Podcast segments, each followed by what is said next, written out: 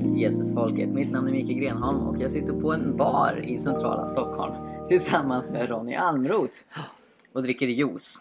Precis, och jag dricker kaffe här. Jajamän, härligt. Ronny, vem är du? Ja, jag är norrlänning. Jag bodde i Örnsköldsvik under min tonårsperiod när jag gick gymnasiet. Men annars så eh, växte jag upp i Vindeln på 80 och 90-talet. Mm. Mm. Och vi fick kontakt via Facebook. Mm. Var det du som upptäckte mig eller var det jag som upptäckte dig? Eh, ja, jag la märke till dig först och eh, sen har jag ju lagt märke till eh, ditt engagemang för den kristna tron så, så jag tror nog att jag upptäckte dig först. Mm, mm.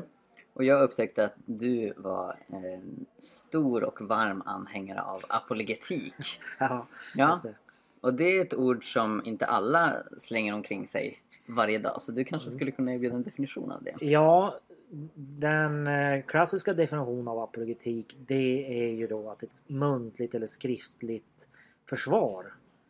Och då är ju sen frågan vad? Jo, då finns det en brett spektra av vad man då vill försvara. Mm. Eh, och det är en tanke, det är en idé, det är en handling, det är position, det är tro. Eh, och väldigt många fler begrepp som det egentligen vill försvara. Så det handlar om att man vill försvara det man tror på. Och det Mm. behöver inte ha med religion att göra. Mm. Men det är ju förknippat med religion i överlag. Ja, precis, precis. Det är väl ett ord som används i Bibeln. Det är ett grekiskt ord. Apologia. Precis, precis. Ett, ett grekiskt begrepp ja. Som eh, om det nu är riktigt så var det eh, Platon och Aristoteles de som tillsammans myntade begreppet vad jag har förstått av Mm, historien. Och sen så bibelförfattarna som Petrus till exempel i första Petrusbrevet 3 och 15. Mm. Han talar ju om apologia, att em, försvara det hopp vi äger Mm. eh, gentemot de som är utanför den kristna tron. Precis. Han säger att vi ska ta vara på varje tillfälle och göra det med respekt och Ja, ödmjukhet. ja, vilket ja. är ett väldigt gott råd. Mm. Mm. Så berätta Ronny, vad, vad gjorde dig intresserad av apologetik? Ja, egentligen var det redan år 2002 som jag kom i kontakt med apologetik utifrån eh, min hemförsamling Södermalmskyrkan. Mm. Där vi hade besök av eh, olika apologeter, bland annat Stefan Gustafsson. Mm. eh, Från Svenska Evangeliska Alliansen. Så jag kände ju till vad apologetik innebar då egentligen. Att man kunde svara på invändningar mot den kristna tron Mm. På ett intellektuellt vis Mm. ge goda skäl för vår kristna tro. Men eh, det blev egentligen ingenting för min del då utan det var här eh, september 2014, det var ganska sent alltså som Mm. jag under några dagar upplevde jag Gud sa till mig så här Varför ska du inte ägna dig åt apologetik?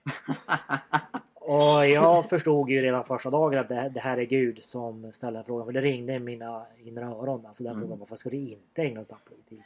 Mm. Så jag svarar inte heller på en gång då. För men den typen av fråga förstår jag att Gud är ju egentligen inte ute efter ett svar utan han vill ju pröva mig. Mm. Vart jag står i, i lydnadsförhållande i sån här sak.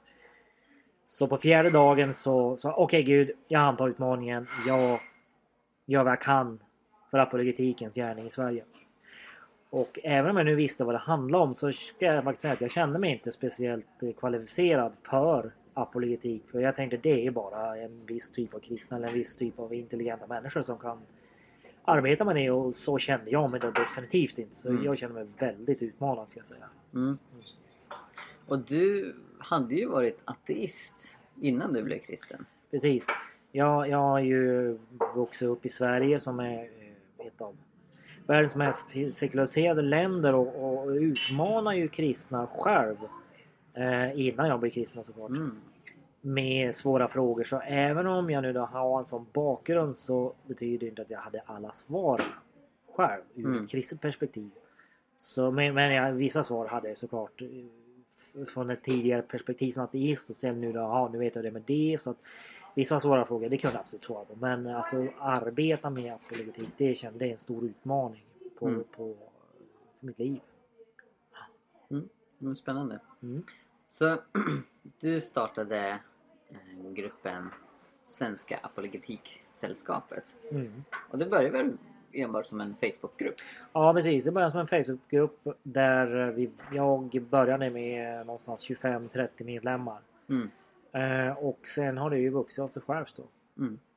Så nu är det över 300? va? Ja, 360 någonting Mm. idag då. Mm. Mm. Och hur tycker du att det har utvecklats? Det, det har vuxit snabbt Mm. och min upplevelse är att det, det, det har hänt väldigt mycket. Alltså det har inspirerat till mycket mer än bara Facebook-diskussioner. Ja, jo, jag får ju kontakt med människor som är medlemmar i forumen. De tar kontakt med en privat och, och berättar att det här är faktiskt väldigt värdefullt för dem. Mm. De finner en, en slags portal där de kan tala med andra kristna om sånt här i lugn och ro. Eh, och, och få svar på sånt som de känner att de, de vet inte vart de ska vända sig riktigt. Mm. Eh, så det är väldigt glädjande att få, få den responsen. Det är ju för att vi ska kunna tala tillsammans inne i värmen om den här frågan. Inte i de offentliga för då, då kan det ju vara andra som vill lägga sig i och, och gärna debattera. Då. Så det är skönt att vi här är vi vänner och vi förstår oss på varandra. Ja precis, och det är, ett, det är ett forum för kristna. Det är inte ett forum där debatter äger rum mellan kristna och icke-kristna, eller hur? Precis, det är bara för kristna ja. Mm. Men däremot så har du på din egen personliga Facebook-profil arrangerat flera debatter och runda bordsamtal och så vidare. Ja visst, jag uppskattar att tala med både ateister och eh, de som agnostiker om den kristna tron. Hur ser ni på den här saken? Och vrida och vända på deras argument. Mm. Så Jo, det, det är någonting som jag uppskattar och, och eh, arrangerar ibland debatter med, mellan en annan kristen och en, en ateist också. Så det är Mm. inte alltid jag som är central person i debatterna. Ja men exakt, exakt. Och hur tycker du att responsen från det har varit? Jo, överlag har det varit väldigt intressant och de princip alla de ateister som jag haft längre samtal med de har ju kopplat tillbaka sen och sagt att det, det, vi är inte överens men eh, vi uppskattar det väldigt mycket om det ska du veta. Så det var en väldigt fin respons att få tillbaka. Eh, och eh, de har ju sagt att okej jag, jag kanske inte själv kan ge skär för min ateism men det är uppenbart att du tror på Gud. Det råder inga tvivel om den saken. Så Mm. man har ju in, det, det är uppenbart.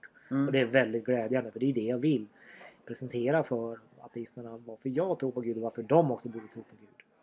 Precis, precis. Det jag tycker är väldigt intressant med apologetik är att även om det i, i grund och botten är ett försvar, ett intellektuellt försvar av den kristna tron.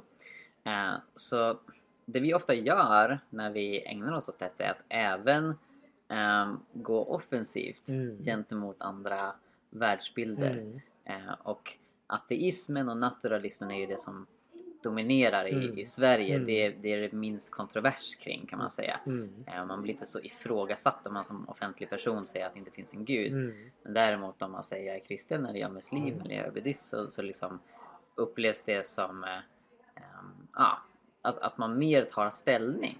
Mm. Och det jag har tyckt varit väldigt intressant är just att belysa vad ateism är, varför människor finner det attraktivt och varför människor finner det intellektuellt hållbart. För att för mig så är det så att ju mer jag studerar ateism desto mer faller det ihop. Att, alltså, det, det är liksom ett bygge av tankar och idéer som utgår från en, en enkel mening, Gud finns inte.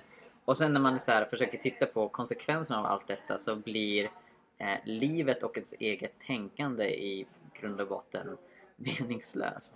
Håller du med om det? Ja, det gör jag. Jag var ju själv, alltså jag var 20 år gammal när jag blev kristen och fram tills, alltså någonstans mellan 13 års åldern upp till jag var 20 år gammal. Så där började ett ateistiskt perspektiv utvecklas i mitt liv. Mm. Och det var de sista åren när jag var någonstans där 17-18 år. Då så började jag ta min ateism på allvar. Mm. Och när jag då talar med kristna utifrån mitt perspektiv på deras kristna tro och fick svar tillbaka så tänkte jag, jo det är ju så de ser på saker. Gud Mm. finns ju inte. Mm. Så det är deras religionsindoktrinerade perspektiv på tillvaron. Där, för, för Gud finns ju inte, det är ju alldeles uppenbart. Mm. Men det är som du säger att när man är ärlig och uppriktig mot sin ateism då finns det ju egentligen i yttersta värde med liv. Och det var ju det Mm. jag insåg också där jag var någonstans i 18 års ålder. Att nej men mitt liv det saknar faktiskt syfte. Mm. Ja, var och en är sin lyckas med. Jo, det, det känner jag till. Men jag blev deprimerad. Jag Mm. blev eh, självdestruktiv. Jag, jag blev väldigt deprimerad och försökte ta livet av mig många gånger under de sista åren. Mm. Jag känner att livet är inte värt att leva. Jag vet inte varför jag finns. Och det är ingen som har tänkt på mig så Jenny kan jag ju lika gärna ta livet av mig för det är ju ändå Mm. inget större värde i mitt liv. Mm. Så det är ju riktigt som du säger att ska man ta det på största allvar att nej, det finns ingen gud, det finns inga objektiva värderingar. Så då blir ju allting subjektivt att jag gör det jag vill och jag fyller ett innehåll i det jag menar ska ha ett värde. Men eh, jag lurar egentligen bara mig själv då. Mm. Även om man kan ha meningsfulla dagar så egentligen i grund och botten så slutar det med det att nej, allting är bara ett slags påhitt med tillvaron där jag ska fylla det med någonting. Mm. Och när man inser det och eh, man är uppriktig mot sig själv och verkligen vill ha ett syfte med livet då, då blir i varje fall jag väldigt deprimerad av Mm. ett sånt perspektiv. Nu vet jag att inte alla blir det men för mig var det så. Det Mm. tog sig väldigt destruktiva uttryck. Ja, precis. Alltså, på eh, bloggen som jag driver hela pingsten så har det varit en hel del ateister de senaste månaderna som har engagerat sig i kommentarsfältet. Och flera av dem de läser varje inlägg, de lyssnar på alla avsnitt av den här podden som vi lägger upp så de är Eh, väldigt duktiga på att ta del av vad vi har att säga men de håller ju inte med om särskilt mycket eftersom de inte tror på Gud. Eh, och en av dem har, har, i vart fall i början, jag tror hon har eh, ändrat sig lite grann nu i sin approach. Men från början var det lite så här, eh, nej men vad spelar det för roll? Om, om eh, Gud finns eller inte. Liksom, vad, vad spelar det för roll om man är ateist eller kristen? Vi kan ju alla vara goda människor och vi kan alla behandla varandra, varandra väl.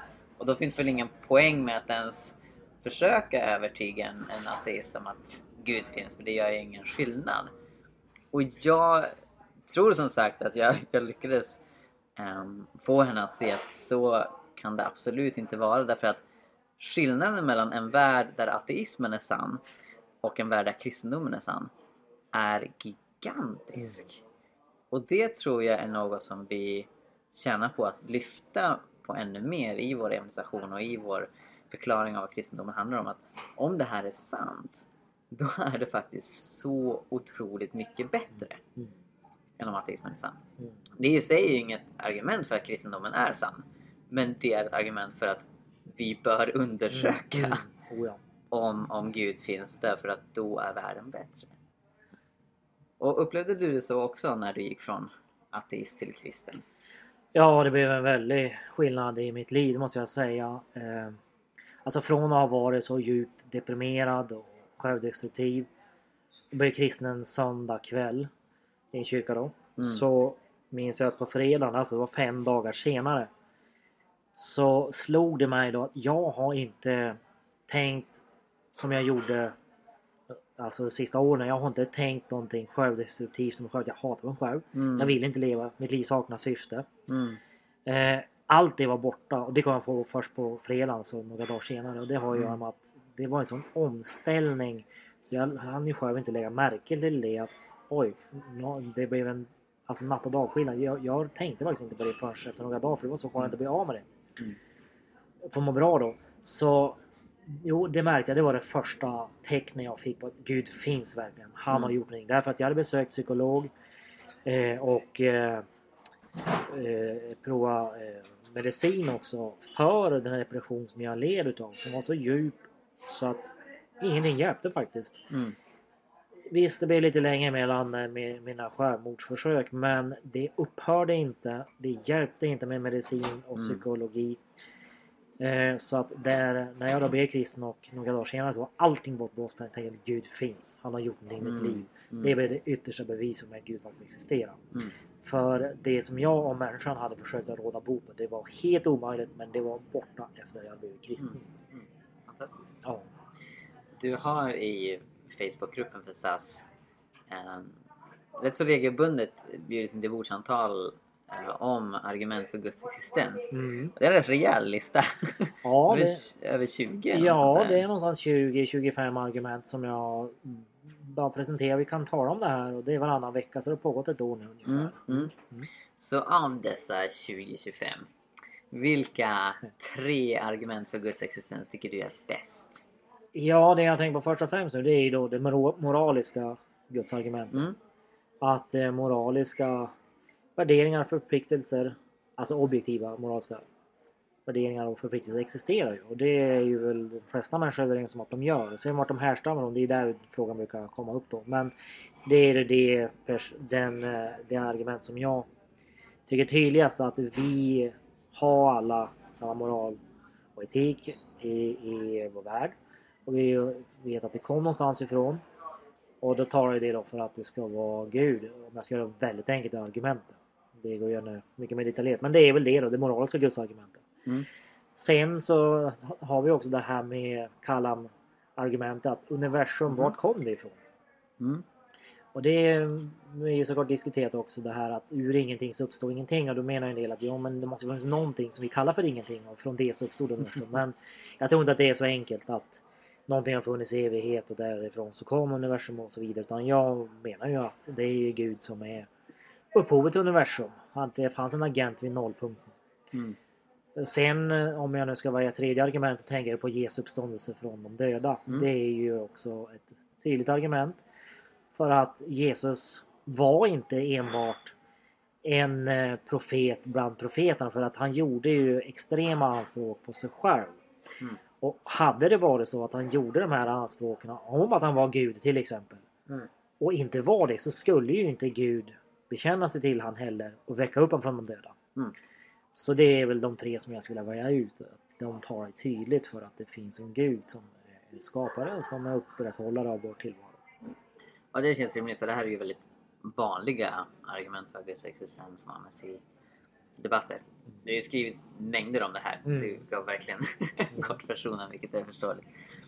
Men det moraliska gudsbeviset har, har då eh, mina kära ateistiska kommentatorer på hela pingsten debatterat otroligt flitigt för mig. Jag tror bara de, de inlägg och inte minst kommentarer som jag skrivit om det här är en bok i sig själv.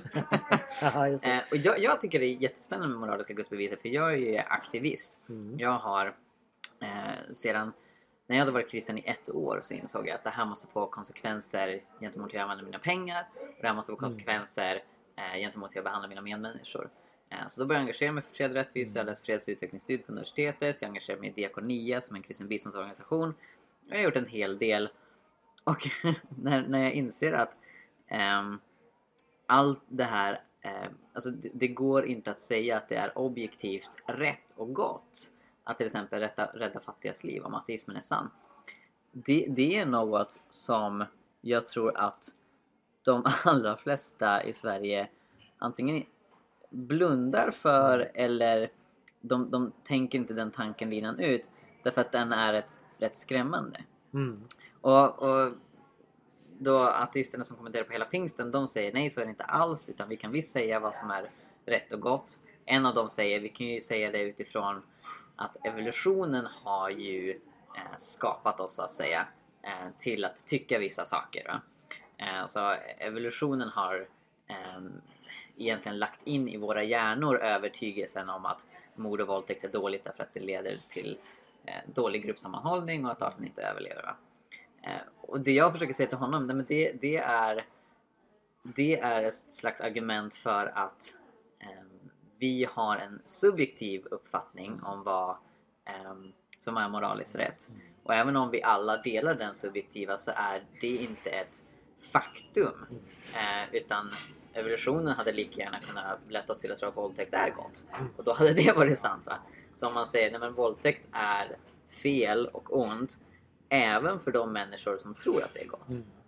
Då bekänner man sig en tro på en objektiv moral som står utanför eh, det fysiska universum mm. som är en liksom, överhängande princip som mm. vi alla måste följa. Och där har ateisterna ett jätteproblem. Men det talas väldigt sällan om detta. Mm. Och sen som du är inne på med eh, Kalam-argumentet, alltså argumentet från universums uppkomst. Mm. Einsteins relativitetsteori säger ju att tiden uppstår med Big Bang, inte bara rummet. Så att det går egentligen inte att tala om det som sker före Big Bang därför att eh, det är uppkomst av all materia och rummet och tiden. Mm. Och då blir det ett enormt frågetecken egentligen när man tänker på att allting i hela universum, alla stjärnor, alla planeter, allting var koncentrerat till en liten, liten prick vid tidens början. Mm. Frågan är, varför? Precis. Och som, som du är inne på, att säga att det uppstod ur ingenting, Mm. vilket vissa ateistiska debattörer som Lawrence Krauss säger, det är egentligen en intetsägande mening. Ja. Jag menar att, att det, det är fullständigt ologiskt och orimligt. Därför ingenting har inga egenskaper, ingenting Mm. har Mm. inga verktyg Mm. att, att orsaka något. Eh, så det måste vara någonting, men det kan inte vara materiellt och det kan inte vara tidsbundet. Det behöver vara något utanför tiden. Det är ett kraftfullt argument Ja. för Guds existens. Precis. Vad upplever du att ateister säger när de får dessa argument presenterade framför sig? Ja, det som jag väl har mött i debatt när man talar om just den punkten att det som kallas för ingenting, det skulle vara någonting, det är ju det att ja, vi kan inte veta vad som fanns då så att vi kan bara spekulera men någonting har det funnits och ur det så blir det då sen Big Bang så att de kommer ju inte undan med att det finns en absolut start. Mm. Utan de förutsätter ju att någonting har funnits i evighet och det är ju en inkoherent tanke. Men det vet vi ju att allting har ju en början. Alltså allting har ju en första orsak. Förutom Mm. Gud då naturligtvis. Men när det gäller universum så då det är ju utanför alla andra eh, premisser. Det har ju alltid funnits i evighet vi kan få höra. Eller så har det ju uppstått men det har ju inte med Gud att göra utan det finns några andra orsaker menar det på. Så det är väl det jag brukar möta Mm. i resonemanget. Ja, precis. Och problemet som du är inne på att när det gäller eh, Gud, säg att Gud finns så är han en immateriell Mm. evig varelse Mm. som per definition är skapad för eviga saker, inte skapade. Eh, som in- inkluderar liksom all vishet, all kraft, all makt och ehm, ja, all kunskap. Mm, mm, Ehm, och det är ur denna, liksom, detta enorma hav av Mm. existens som sen han skapar ett universum som vi får vara en del av. Och det är något helt annat än säg att innan det här universum så fanns ett annat universum som Mm. slutade i en big crunch för Mm, att allt liksom ja, söks ihop till en liten punkt och sen Ja. exploderade det till Ja. bli vårt universum. Att det planlösa materiella universum ehm, på något vis alltid skulle funnits trots som sagt att tiden uppstod i Big Bang. Ehm, det är egentligen, tycker jag, en orimligare tanke Mm. än att en gud som är existens med stort E alltid har funnits. Mm. Det blir så att säga väldigt random, väldigt eh, eh, godtyckligt Mm. Mm. att en enorm klump stenar Ja, ja, alltid har pumpat omkring Ja. och eh, på något sätt eh, utan plan eller vilja eh, fixar så att vi sitter här Mm. Ja, ja, precis. en precis. kväll i Stockholm. Ja. Ja, ja nej, precis. Det är ju riktigt som du säger. Man skjuter ju ändå bara problemet längre framför sig. Alltså Mm. om det nu ska finnas en universumgenerator så det är för vad startar den då? Man eh, kommer ju aldrig fram till en absolut början. Man bara flyttar startpunkten hela tiden framför sig då.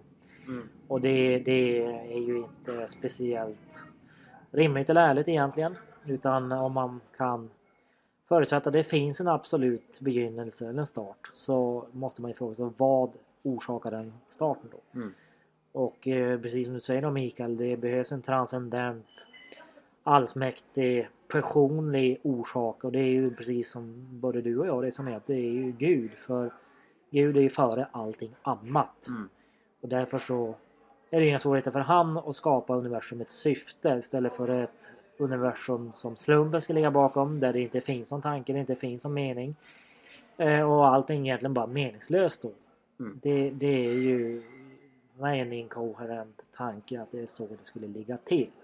Precis, precis. Mm. Och sen är det med Jesu uppståndelse, vilket jag tycker är väldigt spännande. Ehm, jag håller på när jag får tid att skriva på en bok, Mm. en apologetisk bok om mirakler. Ja. Eh, och argumentet utifrån Jesu uppståndelse är ett argument från mirakler för Guds existens. Ehm, min erfarenhet är att den främsta anledningen till att ateister inte tror på Jesu uppståndelse som historisk händelse är att de från början har bestämt sig för att mirakler inte kan ske. Ja. Medan om man är öppen för att mirakler kan ske så är det en bättre förklaring än den mest populära naturalistiska förklaringen Mm. vilket är masshallucination. Ja. Att eh, en hel del lärjungar eh, trodde sig se Jesus samtidigt och såg honom äta fisk och hade Ja, konversationer ja, med honom men det var egentligen bara i deras huvuden. En sådan händelse och, och då liksom om man ska ta det som en naturlig förklaring då kan det inte vara liksom en påhittad eh, hallucinationshändelse som man liksom läser om i serietidningar utan då måste det vara något som liksom faktiskt kan hända. ja. Det är mycket osannolikare Mm. menar jag Mm. än att Gud finns och Gud gör ett mirakel och Mm. uppväcker Jesus. Mm. Mm. Håller du med om det? Ja, jag håller med om det. det. Det jag sitter och tänker på här när vi talar om det här med Jesu uppståndelse från de döda. Det är ju ett litet eh, roligt svar jag fick ändå Mm. från eh, två ateister. Att ja, om nu Jesus uppstod från de döda så var det ju inte Gud som låg bakom. Det tycker jag var ett väldigt roligt svar. Jaha. Ja, och då frågar jag men vad skulle då ligga bakom? Nej, det visste de inte. Så. Men det är ju inte Gud i alla fall. Nej. Så jag tyckte det var väldigt roligt. Så sen var den debatten slut. Ja, och det, det är ju extremt problematiskt för det, som du säger själv, alltså Visst, om, om eh, Lasse Svensson på Söder blir uppväckt från döden då kanske man kan spekulera kring var det verkligen Gud? Ja. Men när Jesus som har ett så tydligt religiöst budskap som inkluderar Jag är Gud, jag Mm. är Guds son Mm. och som även då enligt källmaterialet inkluderar förutsägelser om sin uppståndelse.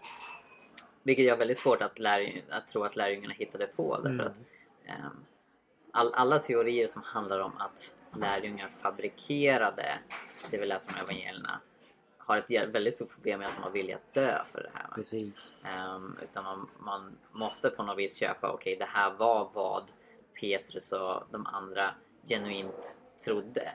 Ehm, så ja, därför tycker jag att, att det är väldigt uppenbart att om Jesus uppstod, då finns Gud. Man kan inte komma runt det. Nej, nej precis. Och precis som du påpekar här att ska man komma fram till en annan slutsats till exempel att Jesus hade en tvillingbror så måste man ju kunna presentera sakliga skäl för alltså källhänvisningar Mm, som tål ifrågasättas. mm, Eh, och, och det finns visserligen källor som påstår någonting annat men de har ju visat sig att de håller ju inte måttet för en kritisk granskning. mm, Och när det gäller judiska antika skrifter som Bibeln då faktiskt är så står ju de för den hårdaste granskningen för sin tid när det skulle gå från muntlig tradition till skriftlig tradition. Så det gick alltså inte bara att sitta ner och säga ja, jag såg att det och det ägde rum och sen blev det inte ifrågasatt utan det var kraftigt ifrågasatt Mm. när man gjorde ett uttalande för man ville ju såklart inte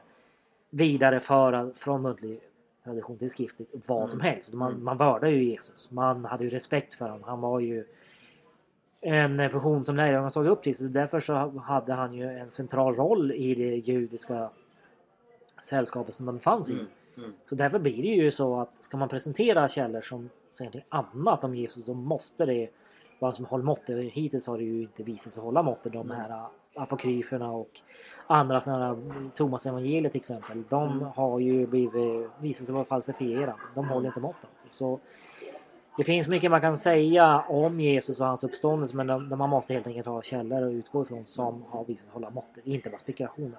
Ja, och det är så tragiskt att se att det, det är så många eh, som eh, till exempel drar den här myten om att Jesus inte har funnits. Mm. Vil- vilket är skrattretande på Ja. akademisk nivå. Alltså, Ja. Det finns det knappt någon seriös forskare som hävdar. Mm. Men jag såg även Lawrence Krauss i en debatt med, eh, om det inte var William Lane Craig, sa det att liksom, nej men Jesus har inte funnits. Eh, så, så det är ju så här internetmyter som, som sprids vidare och det har väl lite med vår kultur i allmänhet att medan internet har gjort det mycket enklare att förmedla kunskap så har det också gjort mycket enklare att förmedla konspirationsteorier och, Mm. och falsk Mm. kunskap. Mm. Ehm, så ja, det, det visar på hur viktigt det är att kyrkan är alert när det gäller apologetik och kan Mm. påpeka när Mm. folk liksom drar till med saker som inte stämmer. Vart tror du Ronny att apologetiken i Sverige är på väg? Ja, utifrån de kontakter som jag har och eh, vänner så uppfattar jag som att det finns eh, ett eh, starkt intresse för kristna politik bland de yngre, även bland en Mm. del äldre har jag lagt märke till. Mm.